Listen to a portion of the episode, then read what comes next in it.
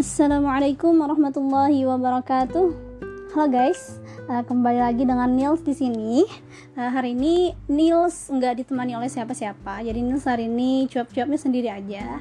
Dan kita akan membahas yang mungkin out of the box dari Nils banget, atau sesuatu yang di luar Nils banget, yaitu kita akan berbicara mengenai sedikit atau secuil dari masalah finansial soal finansial ya hari ini kita ngomong soal finansial Nah, yaitu tentang dana darurat atau emergency fund. Nah, e, sebenarnya e, Nils sendiri bukan pakar keuangan, cuman Nils memang sering mengikuti e, apa ya tema-tema atau topik-topik terkait dengan keuangan karena makin ke sini ke sini Nils semakin sadar bahwa ternyata melek finansial itu perlu banget gitu Nah, dan hal ini juga tema kita hari ini juga dilatar belakangi oleh keadaan negara kita sekarang, masyarakat kita sekarang yang sedang carut marut karena adanya COVID-19. Uh, eh, ada yang uh, dirumahkan gitu kan oleh uh, apa namanya perusahaannya atau oh, tempat dia bekerja. Ada juga yang kemudian uh, pendapatannya atau income-nya mengalami defisit jauh sekali merosot dibandingkan hari-hari biasanya. Uh, ada juga yang uh, bahkan tidak bisa mendapatkan income sama sekali.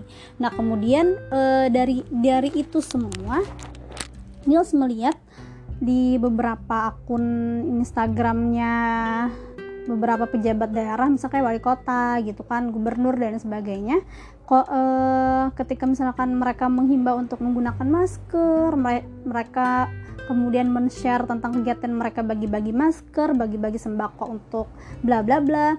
Kemudian ada segelintir netizen gitu kan yang uh, menimpali komentarnya begini. Pak, tolong dong Pak, uh, sekolah-sekolah harusnya nggak usah bayar. Kan anak-anak pada libur, sedangkan pendapatan kan sedang ini, sedang susah sekarang gitu. Dan itu nggak cuman satu dua orang yang Nils temukan seperti itu gitu ya di, di kolom komentar. Nah kemudian uh, jadi pertanyaan besar ya kan, big question.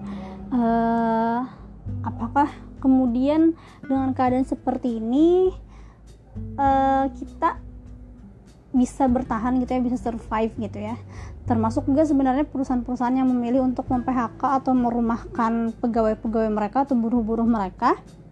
Sebenarnya mungkin uh, itulah cara mereka untuk survive gitu Nah, hari ini kita akan berbicara mengenai itu, mengenai tentang dana darurat. Sepenting apa sih dana darurat itu? Nah, sebelumnya Nils mau dis bikin disclaimer dulu bahwa yang ngomong ini bukan pakar keuangan. Jadi kalian bisa cross check lagi dan kalian bisa lebih menggali lagi dengan orang yang lebih pakar gitu ya. Ada banyak sekali akun-akun yang bisa kalian ikuti mengenai uh, finansial ini. Kebetulan Nus juga punya temen yang dia itu memang sudah melek finansial sejak lama dan dia bahkan sampai um, apa ya hiring punya ini loh punya advisor uh, finansial sendiri gitu. Jadi dia nyewa ngontrak itu advisor selama satu tahun untuk uh, memulihkan kesehatannya gitu kesehatan uangnya gitu. Bukan memulihkan kesehatan badannya ya kesehatan uangnya. Karena uh, ya kita tahu sendiri ya bahwa kita tuh kadang punya uang tapi kita nggak bisa mengelolanya. Akhirnya kalau dalam istilah orang keuangan uh, pengelolaan keuangan kita tuh sakit gitu loh. Nah jadi sepenting apa sih gitu kan dan darurat ini? Ya penting. Dana darurat ini sebenarnya ya kalau menurut Nils pribadi bukan untuk um, sebentar. Sebenarnya dana darurat ini ya kalau menurut Nilus pribadi bukan untuk misalnya oh nanti kalau misalnya aku sakit enak kan ada dana da, dana darurat atau misalnya oh nanti kalau misalnya aku kenapa kenapa gitu kan. Ya jangan berpikir seperti itu. Tapi kita berpikir bahwa uh, ya dana darurat ini pokoknya kita punya dulu gitu. Jangan jangan berpikir untuk sakit. Sama kayak orang asuransi itu jangan berpikir asuransi ntar kalau misalnya sakit kan enak nih bisa diklaim segala macam bla bla bla gitu. Jangan berpikir jangan mau sakit gitu tapi kita berpikir uh, kita hiring aja gitu kan asuransi yang uh, apa ya ibaratnya SOP-nya jelas kemudian pembagiannya jelas gitu kan. Uh, kemudian juga yang bagian ininya juga ngurusin banget ke kita gitu. Uh, jelasnya itu dalam artian kita punya asuransi uh, yang dalam artian ketika kita nggak pakai asuransi ini ini misalnya bisa dihibahkan ke orang lain kan lebih bermanfaatnya kan uang kita gitu ya. Pokoknya kita jangan mau sakit gitu kita berpikir kita punya asuransi atau atau lain sebagainya macamnya itu uh, ya tadi untuk membantu orang lain. Jangan berpikir oh, kalau sakit kan enak. Atau misalnya nanti pas kalau misalnya lagi butuh uang bla bla bla kita bisa klaim bla bla gitu. Jangan seperti itu oke. Nah jadi dana darurat itu penting sekali. Nah kita kan sudah merasakan ya dampaknya di di covid 19 ini bahwa ternyata uh, punya simpanan dana itu itu penting banget ya tadi salah satunya untuk dana pendidikan apalagi kalau misalnya kita tahu gitu ya kalau kita baca-baca juga di tulisannya pakar-pakar finansial biasanya mereka bilang bahwa dana pendidikan itu naik 15 sampai 40% tiap tahun. Nah, kalian bisa pikirkan, kalian sudah bisa bayangkan sebenarnya kalau dana darurat itu Nah, jadi dari situ kita udah bisa mikirin gitu ya oh kalau misalnya sekarang misalnya notabene masuk sekolah itu 5 juta gitu ya. Biaya masuk sekolah itu 5 juta. Berarti misalnya nanti ketika misalnya anggaplah misalnya Nil sekarang misalnya punya anak nih ya. Berarti tiga tahun lagi dia akan sekolah masuk sekolah. Berarti kira-kira tiga tahun lagi kita akan hitung nih 40% dari 5 juta itu berapa? Berarti sekitar berapa tuh kalikan tiga tahun. Nah sekitar berapa lah ya kan pemasukan di tiga tahun mendatang. Nah itu udah harus kita pikirkan. Dana pendidikan itu kan menurut itu sangat amat penting. Nah ketika bahkan uh, Nils kemudian merasakan dampaknya ya. Ketika Nina semacam oh kasihan banget ya mereka nggak bisa bayar sekolah bla bla bla gitu. Cuman kalau dipikir-pikir sih sebenarnya bisa kok. Nil sendiri yang misalnya notabene uh, income-nya bisa dikatakan mungkin under UMP UMP kaos itu berapa ya? Yang ya pokoknya uh, sekitar about 3 juta lah ya kan misalnya. Ya mungkin uh, income-nya Nil nggak nggak sampai segitu tapi alhamdulillah uh, kemarin ketika Nil sadar rezeki agak lebih itu Nil alok alokasikan ke dana pendidikan Nil sudah bayarkan uh, eh, SPP sampai satu semester ke depan. Sehingga di saat-saat seperti ini ketika orang-orang gonjang ganjing ya kan ini pendapatan bla bla bla gitu kan. Uh, Nil sudah walaupun uh, income Nil juga defisit gitu kan tapi uh, alhamdulillah karena udah dibayarkan jadi udah nggak mikirin ke situ lagi. Setidaknya Nil sudah lega di bagian situ ya kan. Nah itulah pentingnya kita bisa mengalokasikan kita punya standar apa nih kita mau mengalokasikan dana kita ke mana gitu. Kalau ini lebih kayak lebih ke pendidikan sih biasanya. Nah kemudian uh, sepenting apa dana dana darurat itu ya penting banget. Kita udah ngerasakan ya di sini di saat-saat seperti ini. Oke okay, next. Next pertanyaannya adalah berapa sih dana darurat yang kita perlukan? Minimal kita harus punya berapa sih dana darurat? Nah jawabannya adalah uh, kalau yang Nils baca-baca kalau kita masih single kita mencukupi kebutuhan kita sendiri minimal kita punya untuk enam bulan kebutuhan wajib dan juga uh, eh untuk pengeluaran wajib dan juga kebutuhan pengeluaran wajib. Itu misalnya kayak kita bayar listrik kemudian bayar zakat itu uh, wajib. Tapi kalau kebutuhan itu misalnya makan berapa transport berapa dan hal-hal yang kebutuhan lainnya. Nah kemudian kita juga harus harus tahu nih yang mana yang kebutuhan yang mana sebenarnya cuma gaya hidup. Jadi misalnya kayak gini kita haus. Kita haus nih ya saat ini. Minum air putih lega kan hausnya. Tapi kalau kita minumnya Starbucks atau misalnya kita minumnya boba gitu kan ya itu namanya gaya hidup Uh, jadi jangan sampai ketika misalnya naik income kita, gaya hidup kita juga naik. Pendapatan 5 juta, uh, pendapatan 5 juta cukup. Pendapatan 15 juta ya segitu-gitu aja juga investasi dan juga uh, tabungan kita. Nah, itu berarti ada something wrong di finansial kita. Nah, itu namanya gaya hidup ya. Misalnya kita dengan misalnya pendapatan 2 juta, kita bisa beli tas. Ketika pendapatan kita naik jadi 20 juta, uh, kita beli tas yang mewah yang branded gitu kan. Itu namanya gaya hidup. Yang harganya misalnya tasnya itu 15 juta. Nah itu namanya gaya hidup. Jadi memang kita harus bisa membedakan yang mana kebutuhan yang mana uh, gaya hidup. Itu penting banget ya. Ini sudah pernah bahas ini di podcast sebelumnya. Nah kemudian uh, tadi ya. Jadi kita harus hitung-hitung nih berapa dana kita. Kita perlu banget punya track record keuangan kita. Eh berapa sih pengeluaran kita sebulan dan berapa sih dana-dana yang kemudian bocor gitu kan. Saya bocor itu dalam artian uh, kita jajan-jajan yang nggak kerasa loh gitu jajan yang nggak kerasa atau beli-beli sesuatu yang sebenarnya kita nggak nggak butuh-butuh banget. Nah itu harus kita nyahkan dulu. Jadi minimal 6 bulan dari pengeluaran itu tadi itu kita ada punya di tangan kalau single.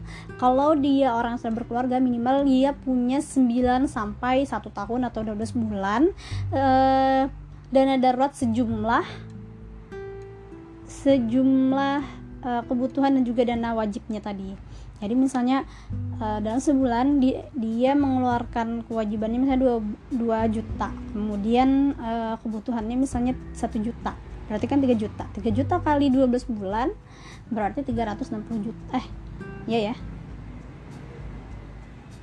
Bener kan 360 juta? Eh, enggak. 36 juta.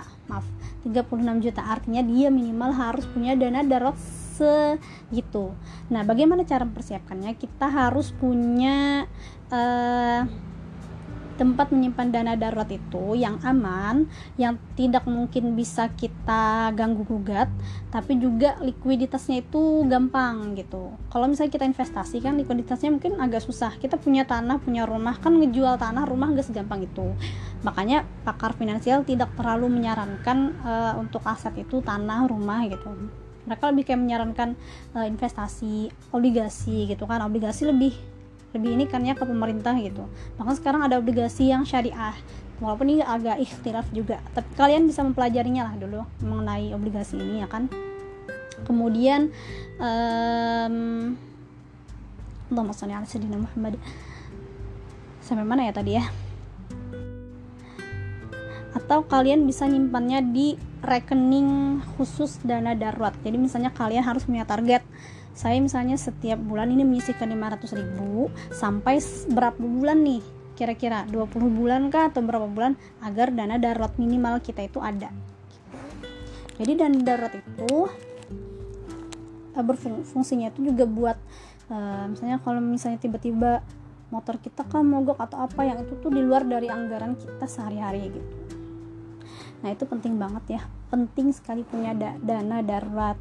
Uh, bahkan Nils baca-baca di beberapa pekan ke belakang ini banyak kemudian um, apa ya perusahaan-perusahaan yang mencoba untuk survive gitu. Kemudian uh, gimana sih para pakar finansial ini memikirkan sekali gitu. Bagaimana sih caranya uh, agar para pengusaha-pengusaha gitu kan mereka tetap bisa survive di keadaan seperti ini. Minimal mereka bisa survive sampai setahun ke depan. Itu mereka sampai udah memikirkan hal itu.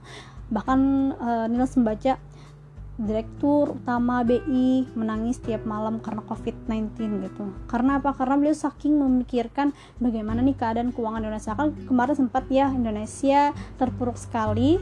Satu dolarnya, satu dolar, satu US dollar itu sama dengan sekian 18.000 sampai 19.000 rupiah. Tapi ini udah uh, udah agak memuat lagi, udah ke 15.000 lagi angkanya gitu harga logam mulia juga mahal ya kan Nah makanya, nah kemudian juga banyak orang yang kemudian menyarankan kan kalau kita mau investasi itu dengan logam mulia emas kan? Karena lebih gampang likuiditasnya dan juga uh, dia nggak inflasi gitu dia nggak inflasi. Cuman untuk kalian yang mungkin pendapatannya pas-pasan misalnya kayak Nils gitu ya Nils sendiri nggak punya investasi untuk saat ini.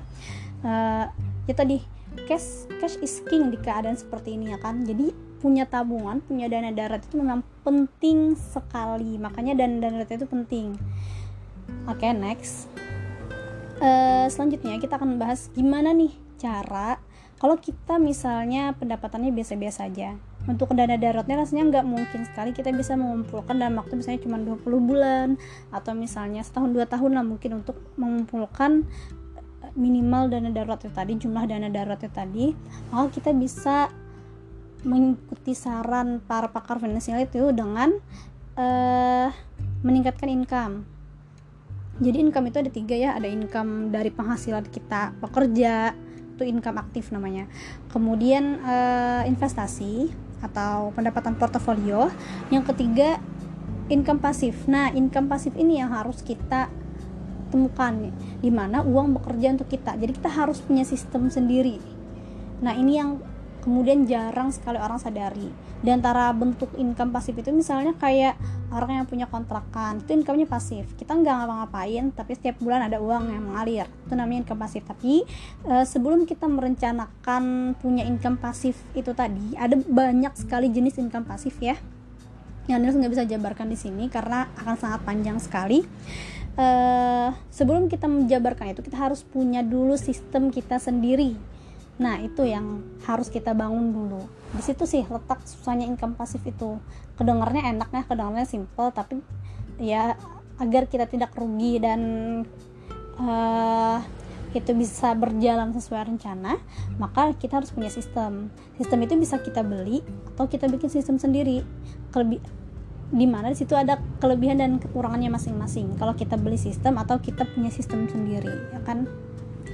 Nah, jadi uh, pesan Niels memang kita mulai sekarang gitu ya harus mulai melek finansial. Kemudian kita harus memang belajar banget sih ngelola keuangan. Di sini sih kerasa banget ya kan ketika kita dalam keadaan seperti ini. Um, what is that? Apa itu? Memang kerasa banget ya uh, dalam keadaan seperti ini punya dana darurat itu penting ya kan? Lagi kalau misalnya kita baca-baca ternyata pasien positif covid itu dana perawatannya tuh nggak nggak murah. Apalagi sekarang banyak rumah sakit kan rumah sakit pun pada full nih.